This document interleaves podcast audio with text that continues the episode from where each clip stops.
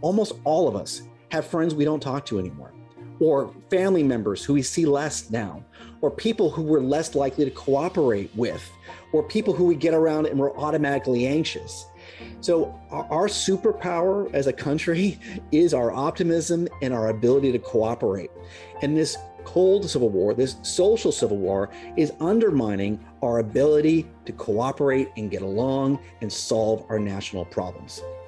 That was Peter Montoya, and you're listening to episode 311 of the Building Psychological Strength podcast, where we uncover the information, tools, and techniques to turn our mind into our most valuable asset.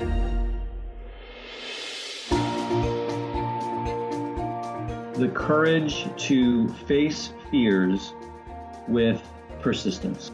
Being able to be present enough in this moment to choose my response thoughtfully. We have the strength to bend to life stressors, to bend to adversity without snapping, without breaking.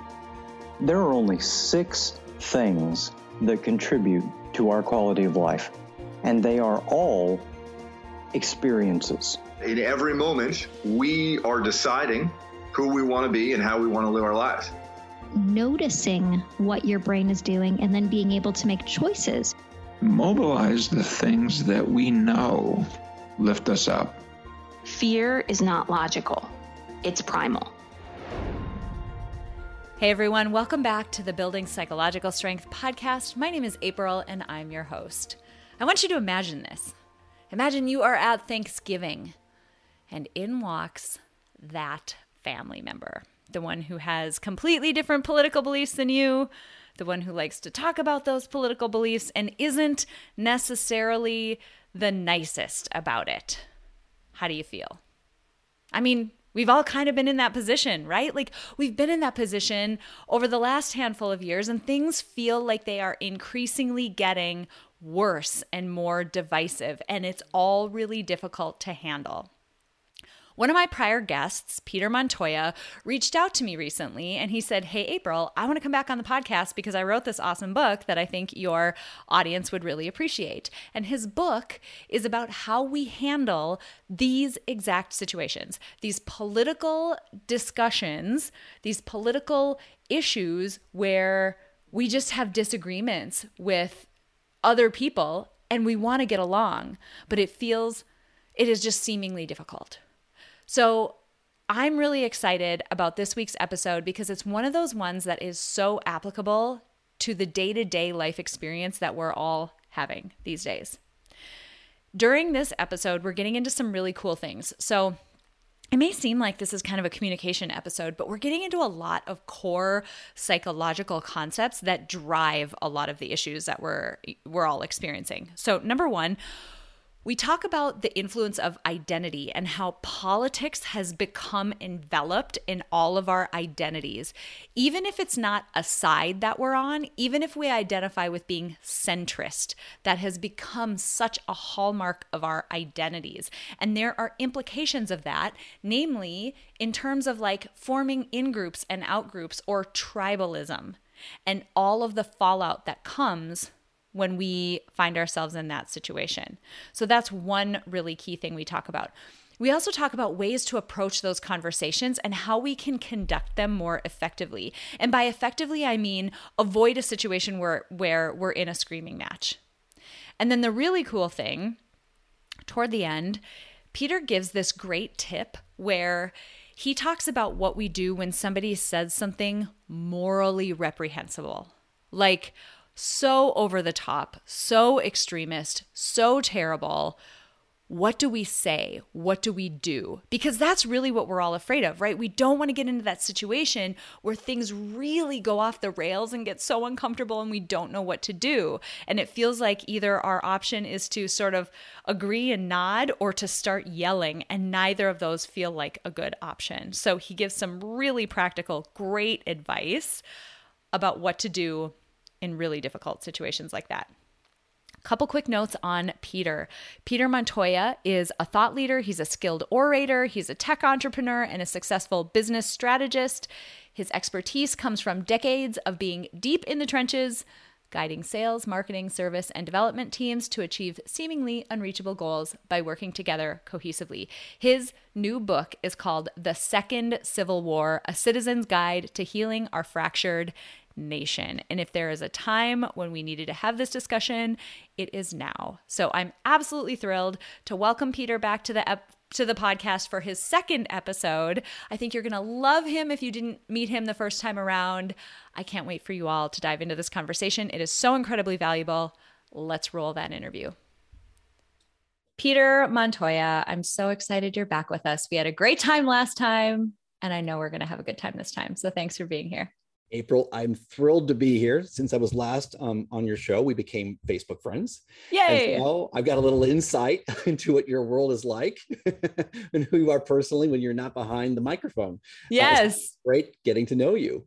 Awesome. Well, I'm thrilled about what we're going to be diving into with this episode because I would bet that this is a situation that many, if not all, of my listeners struggle with. So, before we jump into that, let me just set the stage with a little hypothetical for this audience. So, imagine that you are at a family gathering, Thanksgiving, a different holiday, family reunions, and that family member shows up.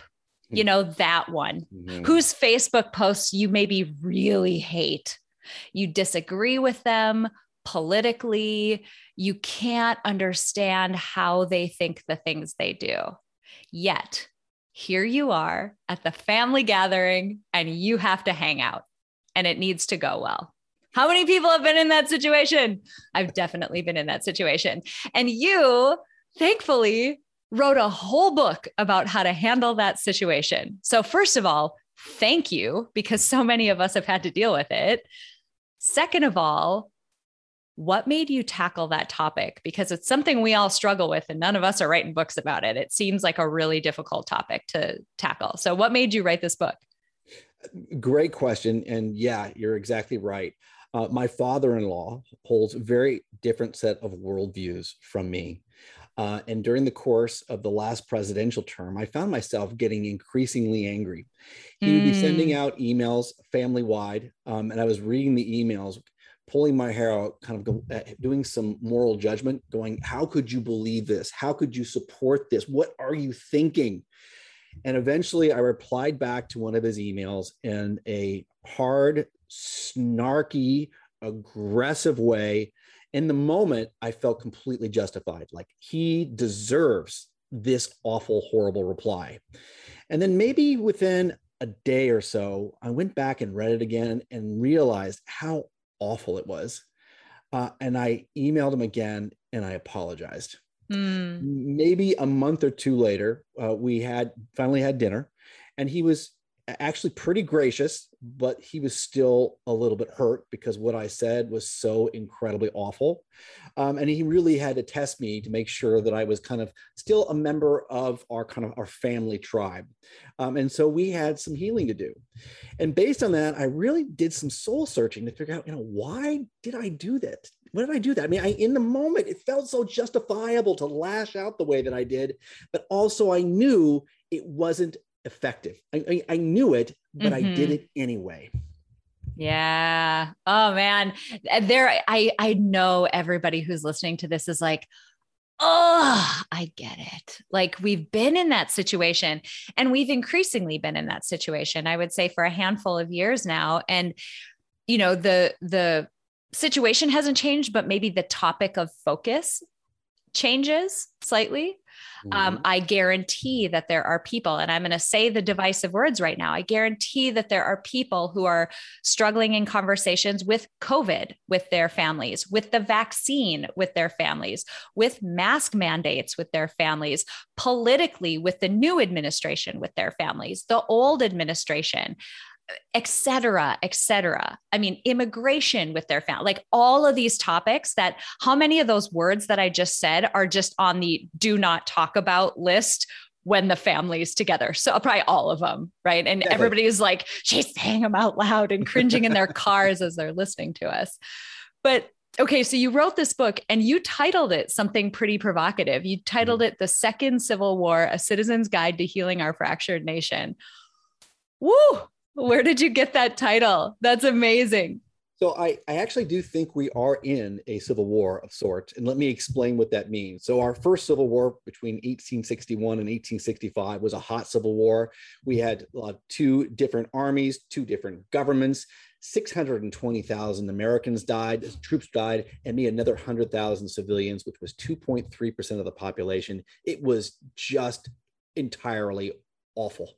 And that was a hot civil war. And we don't have that today. Um, there have been deaths uh, because of shootings, riots, and uh, terrorist bomb explosions. In 2020, there were about 35 deaths uh, due to over political reasons, and maybe about a couple dozen this year, which is awful, awful. But in large part, this is a cold civil war. And a cold civil war is are any other techniques that are not hot. And how that's played out for us is largely through shaming and shunning. So mm. those are Cold War tactics.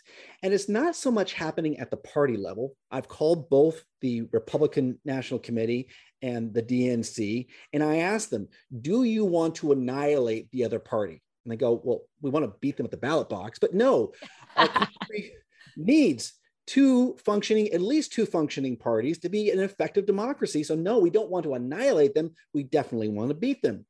So there's no institutions who are kind of waging this war of annihilation. So where is the war being waged? I would call it a social civil war. Mm. It's being waged friend against friend, or child against parent, or parent against grandparent, um, or employer versus employee. And what we're seeing is the tearing of our social fabric. And that's a metaphor that everyone goes, oh, yeah, I totally understand that. But what that really means is, is almost all of us have friends we don't talk to anymore, or family members who we see less now, or people who we're less likely to cooperate with, or people who we get around and we're automatically anxious. So, our superpower as a country is our optimism and our ability to cooperate. And this cold civil war, this social civil war, is undermining our ability to cooperate and get along and solve our national problems. You sum that up so well. I know people feel that. I mean, you, listen to this and you can think of exactly who those people are who you avoid a bit or see less, or maybe don't see at all. Or when you do see them, it doesn't go well anymore. And we know from a psychological standpoint that that social connection is so important to us that having meaningful relationships with other people is important. And we also know psychologically that you know having an openness to experience and openness to information taking our beliefs our own beliefs with a with a grain of salt is an important and adaptive thing.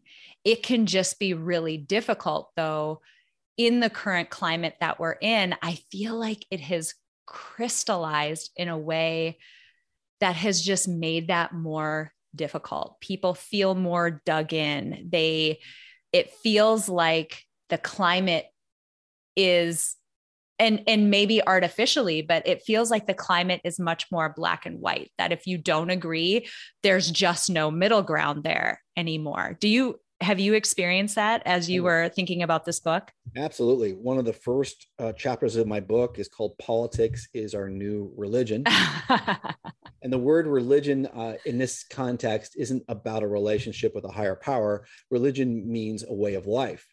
And how it's religious it's become increasingly um, manichaeistic. And manichaeistic means a division between good and bad or good and evil. And so when we make things manichaeistic we're basically saying that i am all that is good or my side is all that is good and your side is all that is evil and so when we do that on a political level we're basically making ourselves right. And anything that anybody who even disagrees even a little bit is somebody wrong.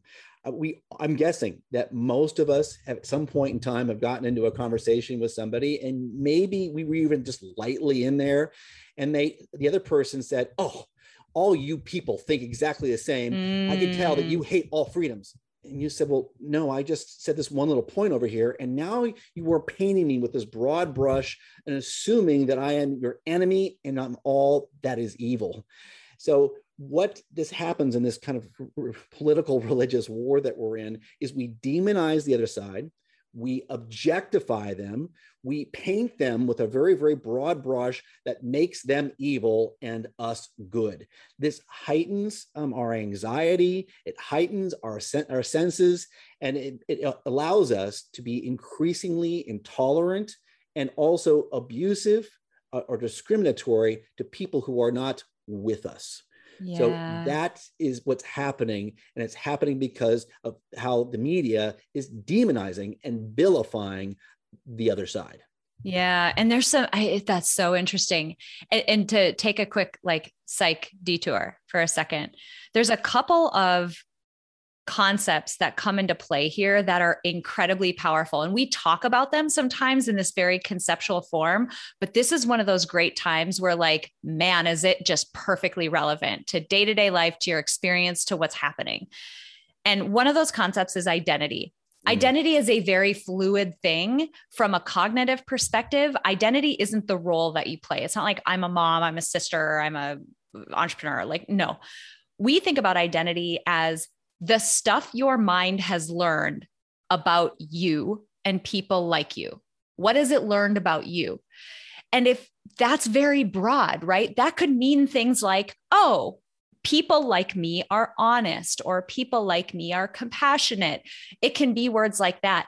It can also be people like me vote this way. Mm-hmm. We've incorporated these political parties into our identity. It almost feels as though this is an unchangeable, there when we were born aspect of us. And that's just not the case. This is, as you know, like it's fictitious. These these parties mm-hmm. could change and morph, and new ones can spin off and whatever. Like it, it's a fluid thing, but we've incorporated it into our identity. And then what happens is the second concept, once we believe that there's an us mm-hmm. and a people like us, mm-hmm. we naturally create outgroups. So there's this in group, out group effect. If you want to Google and go back to Psych 101, this in group, out group effect where it goes back to our tribalism, right? Like we need to hoard resources and we're better and we need to keep all the whatever animals and foraging for ourselves and keep it away from other people who we are in conflict with or in competition with. So we do this like, you know, a big, deep part of our identity becomes this, you know, political leaning. And it doesn't matter, even if you're a centrist, that becomes this harsh part of your identity or this solid part. And you begin to create fake boundaries between you and other people along a thing that isn't even a real concept to begin with. It's a thing that people invented. And so I just wanted to take a quick psych detour because we've talked about those concepts a lot of times on the podcast. And when you speak about something in a conceptual way, it can be applied in a lot of different circumstances, but this one is beautifully applicable for things that we've talked about in the past. Uh, you, you, are speaking uh, uh, directly out of my book, so I couldn't. Ah, I love it. we are more tied to our identities than we probably have been in 20 or 30 years, and that political affiliation is for, for, first and foremost at the front of our minds more than at any time in yours and I's lifetime. Um, so with identity um, also comes that tribal affiliation. And yeah. uh, during the course of writing this book, I have increasingly become a tribal primist. Um, here's uh, what that means is I took my Psych 101 class and you learn in Psych 101, you learn about all these different, different uh, cognitive biases. And there's kind of a laundry list of them. You learn about uh, confirmation bias, you learn about manu- um, motivated reasoning and you learn about disconfirmation bias and you learn about these heuristics where you trust certain people more and you learn about your in and out group bias. And uh, in and out group bias is the word for tribalism you kind of learn them all together and you kind of go oh these all have equal standing.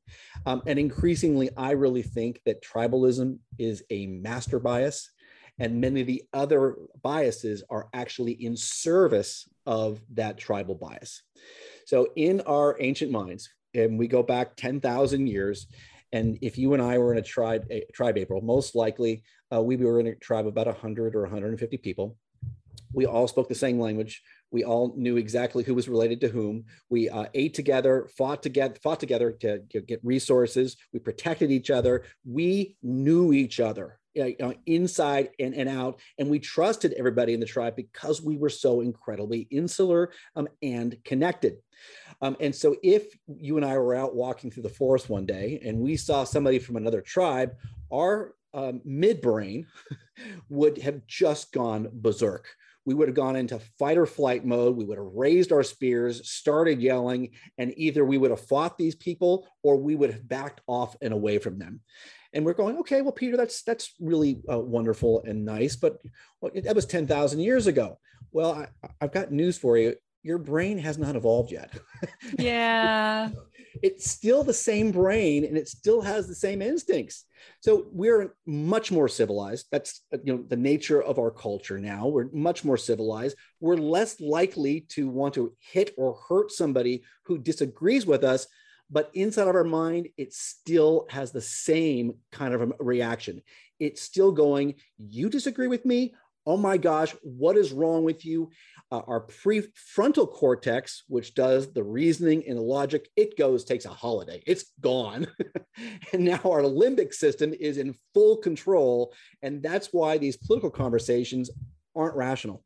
Uh, all we're basically doing in those political conversations is we're not talking about policy. We're not discussing what's the best course. What we're basically doing is saying, my dad is better than your dad, like a third grade argument, or yeah. I believe Superman can beat a Batman, or uh, I can beat you up. That's basically what's happening. We're fighting for psychological status of our tribes.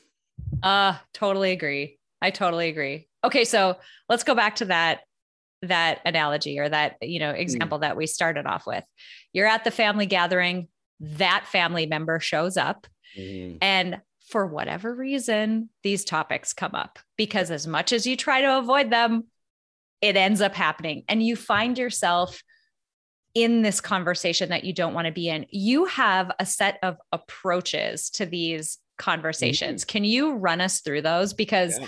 this is all wonderful. I love talking psych concepts and theory, but when it comes down to it, and again, the front of my brain is shutting off and I'm like raging at my family member, it's good to have some stuff I can rely on. So, could you take us through that list? Absolutely. So the, the first approach, I'm going to give you a, a couple different approaches. And the first approach is absolutely don't have those conversations.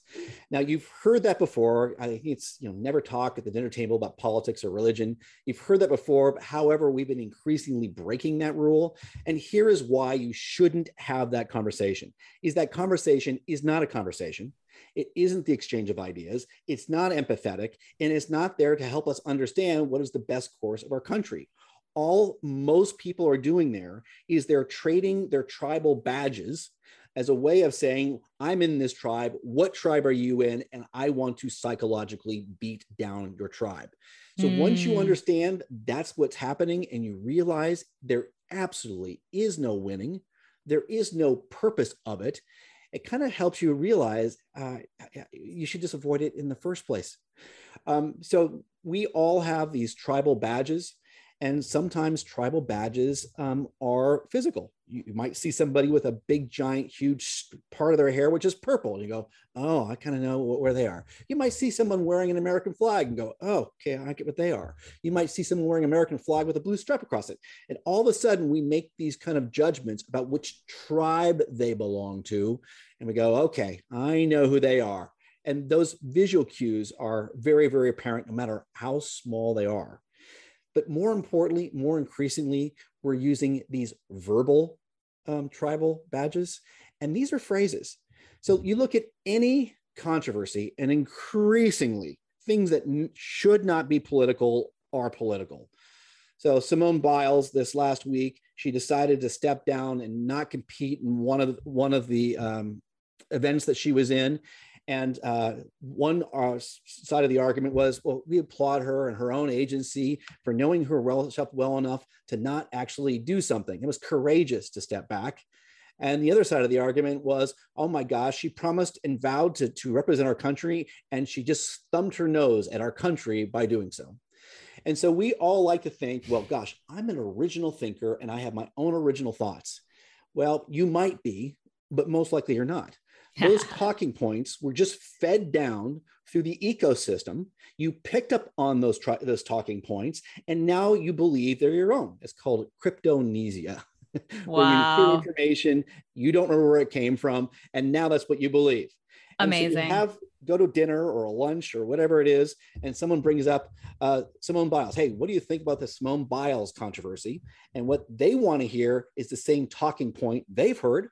And when you give a different talking point, all of a sudden they're going, "Oh, this person's not in my tribe."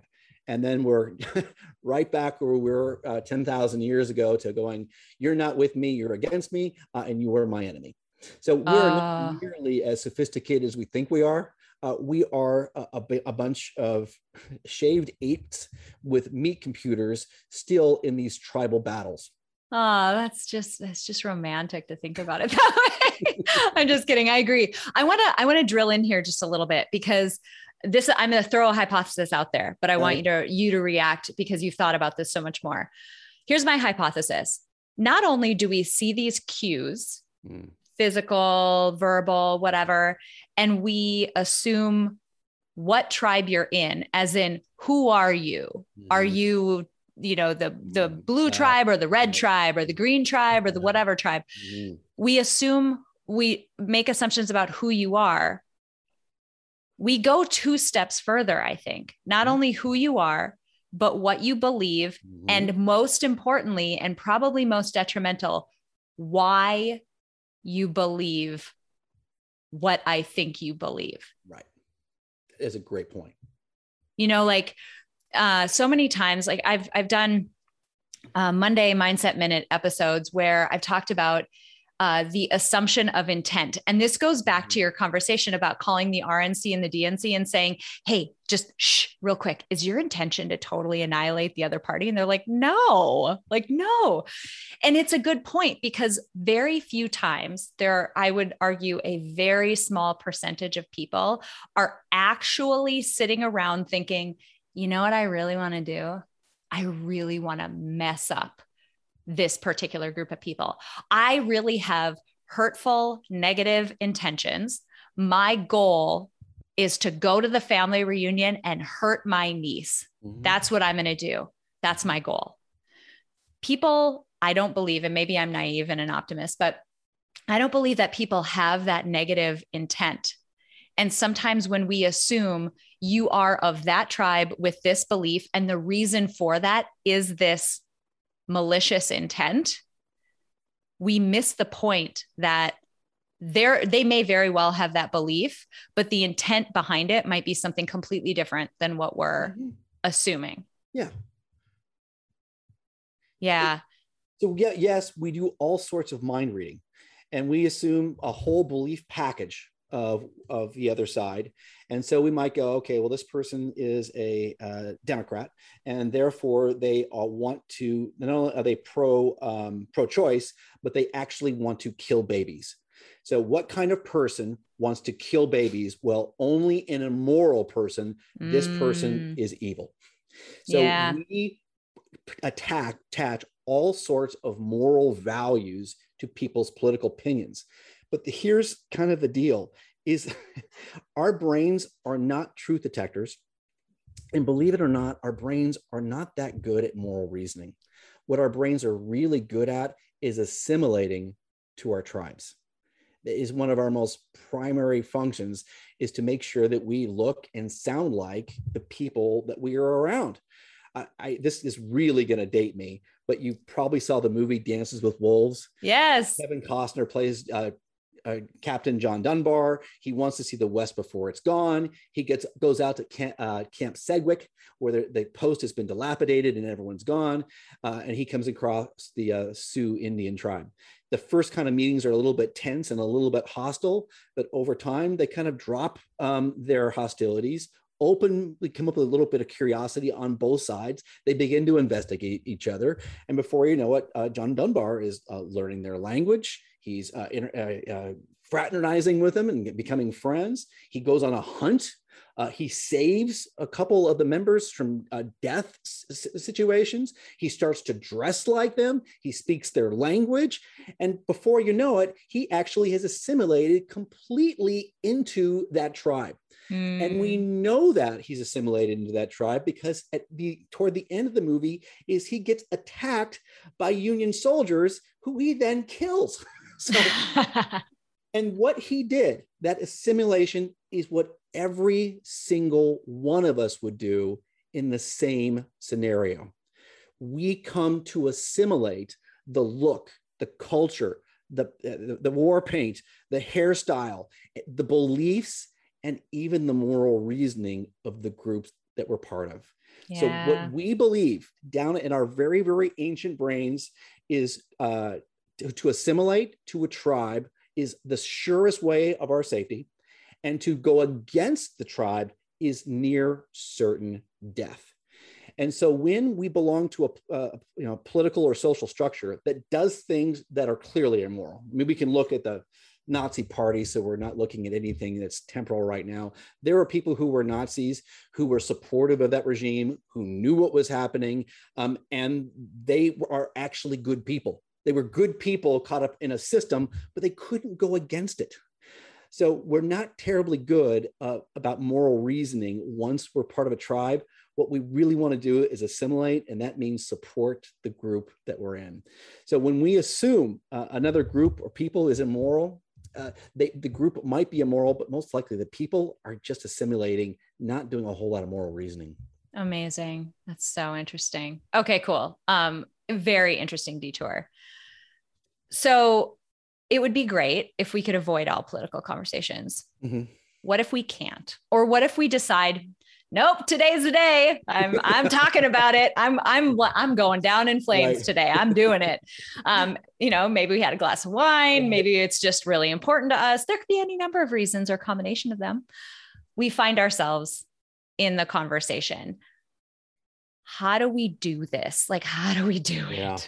it? So I'll give you a couple of different approaches. And the first thing would be is to frame the conversation.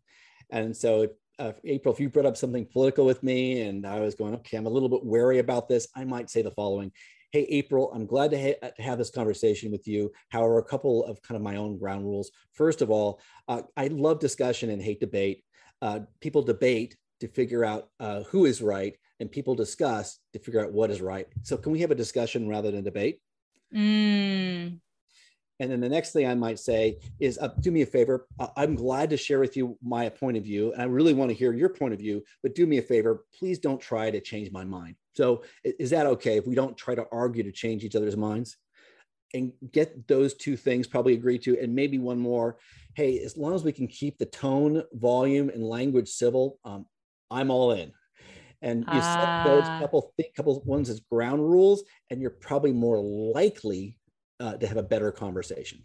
Well, and it gives that, you know, it gives everybody, not even that person, you, right? It gives everybody the ability to know what playing field they're on, what the rules of engagement are. And you have the ability to say, you know what, that's just not, that's just not a conversation I can have based on those rules. Okay, cool. Bow out. I, I love that.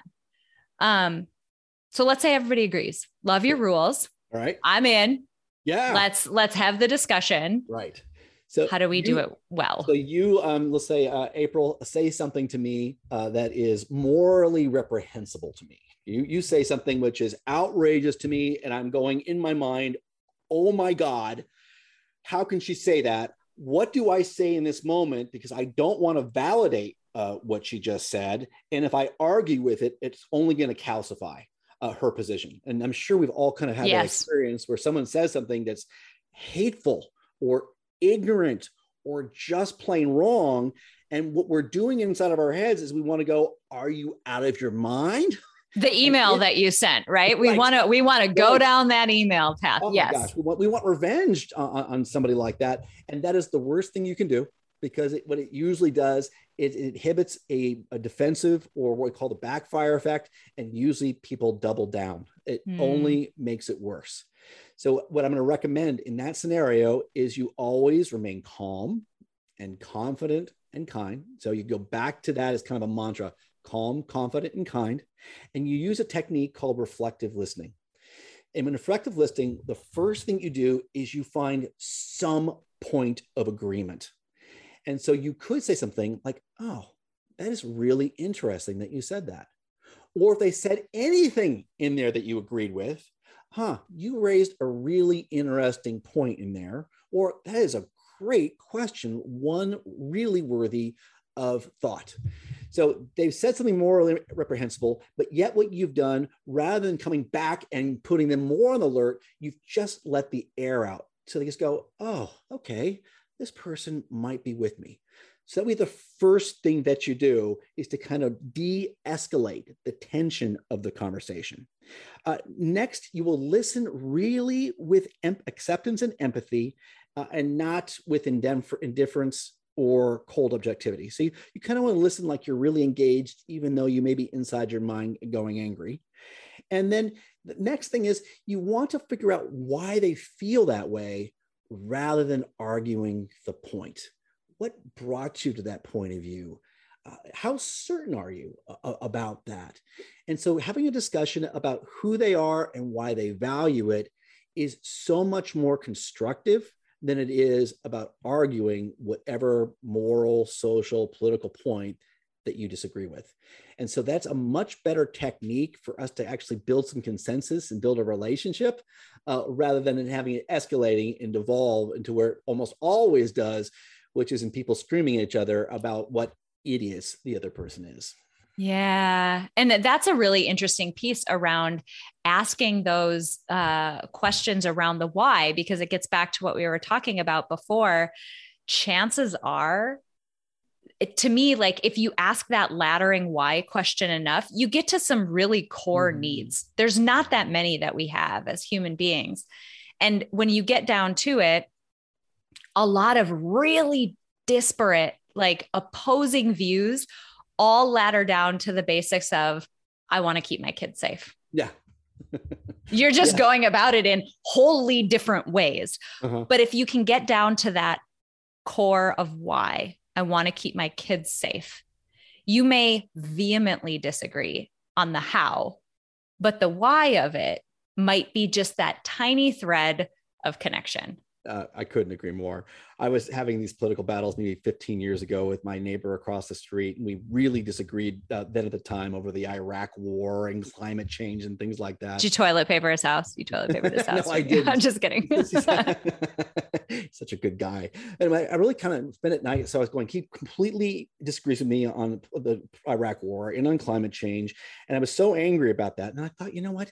We both love our kids. We both live in the same socioeconomic neighborhood. We're 95% the same. We love jokes and we would play poker together and we would eat chips and salsa and we would have so much fun together. So, why am I letting these two issues, which really are not germane to our everyday life, get in the mm. way of our mm. relationship?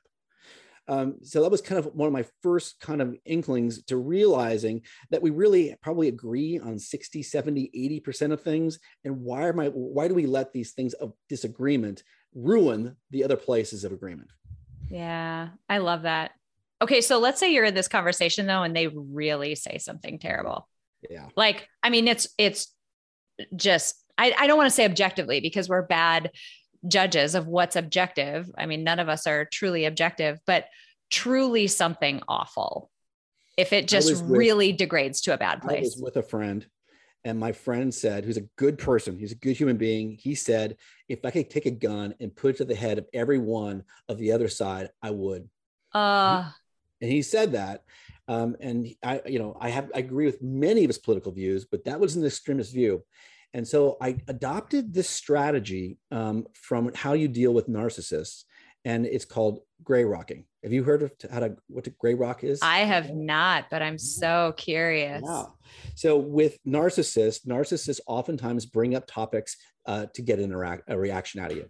They, that's what they intentionally do. They want to provoke you, and their, provo- their provocation of you is a way of controlling you.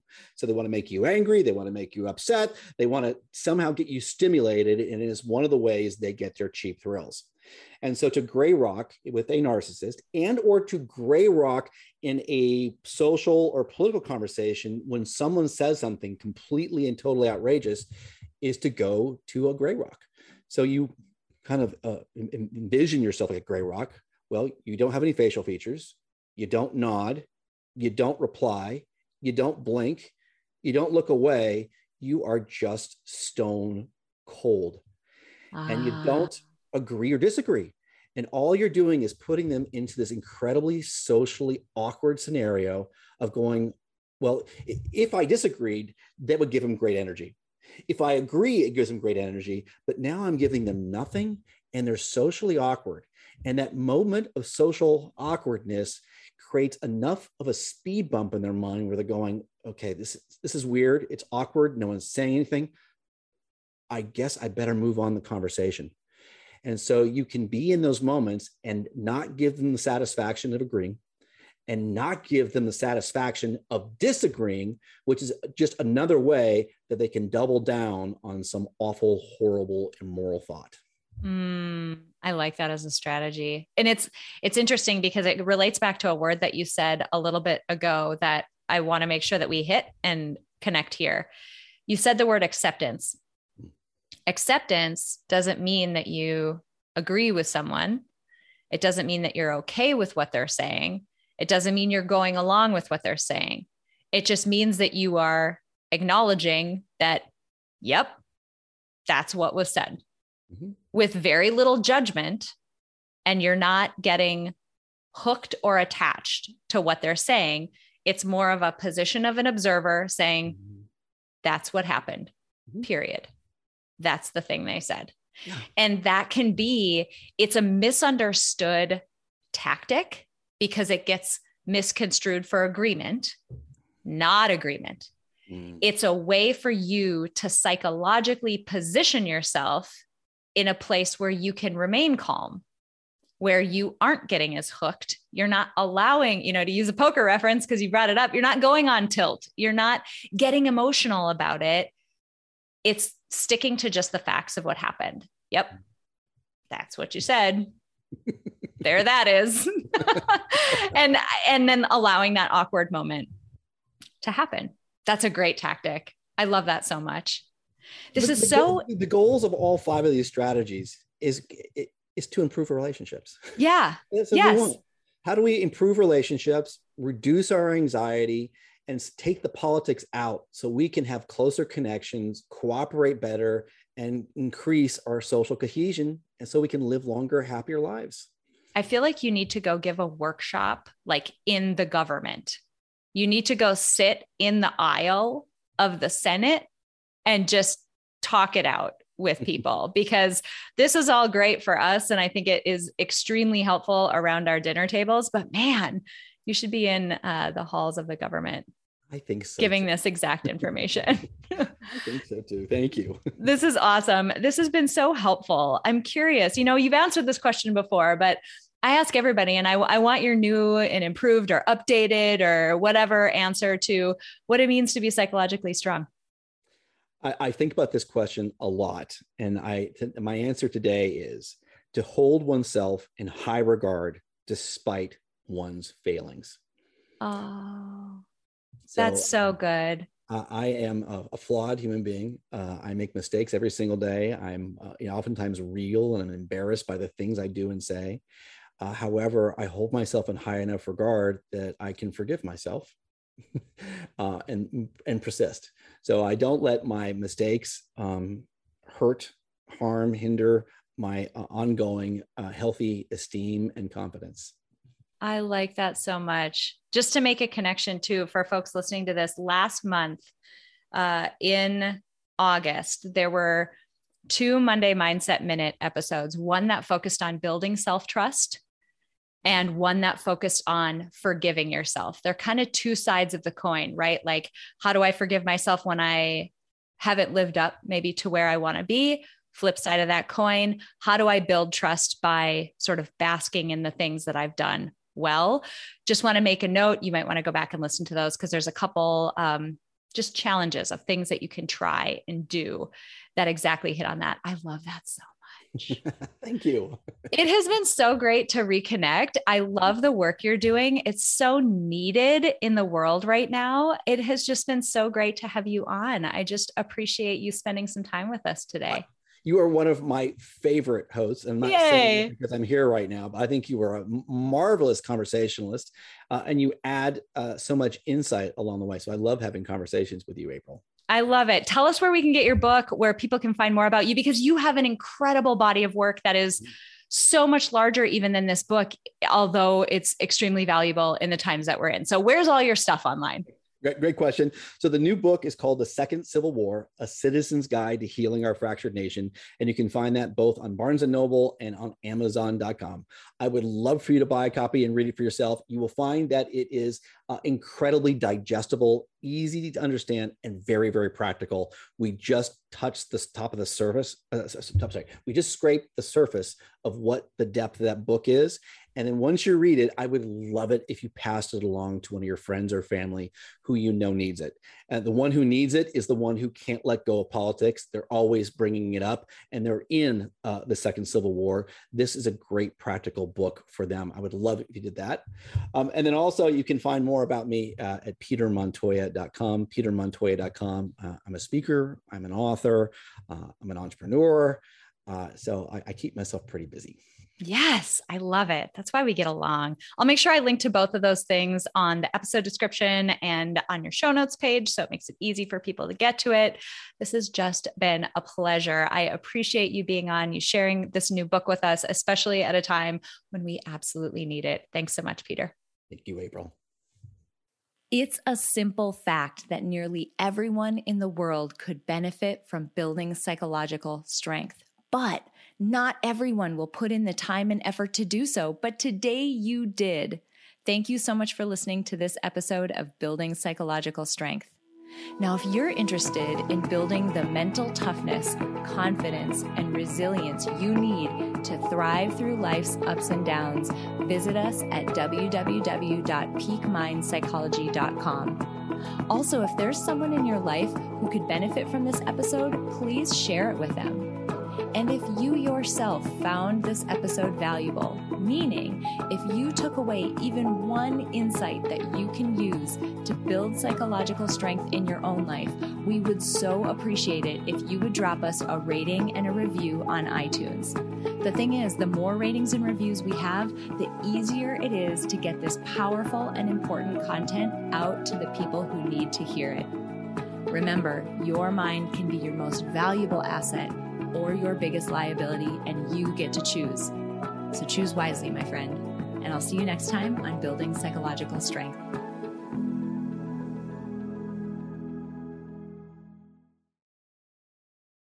At Parker, our purpose is simple.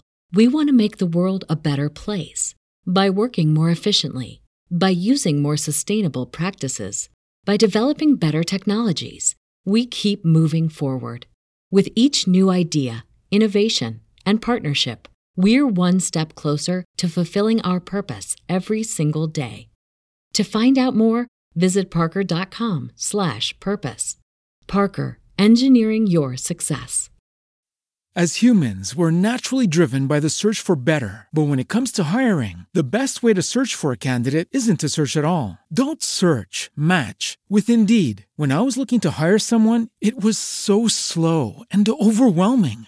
I wish I had used Indeed. If you need to hire, you need Indeed. Indeed is your matching and hiring platform with over 350 million global monthly visitors, according to Indeed data, and a matching engine that helps you find quality candidates fast. Ditch the busy work. Use Indeed for scheduling, screening, and messaging so you can connect with candidates faster. And Indeed doesn't just help you hire faster. 93% of employers agree Indeed delivers the highest quality matches compared to other job sites, according to a recent Indeed survey. And listeners of this show will get a $75 sponsored job credit to get your jobs more visibility at Indeed.com slash podcast. That's Indeed.com slash podcast. Terms and conditions apply.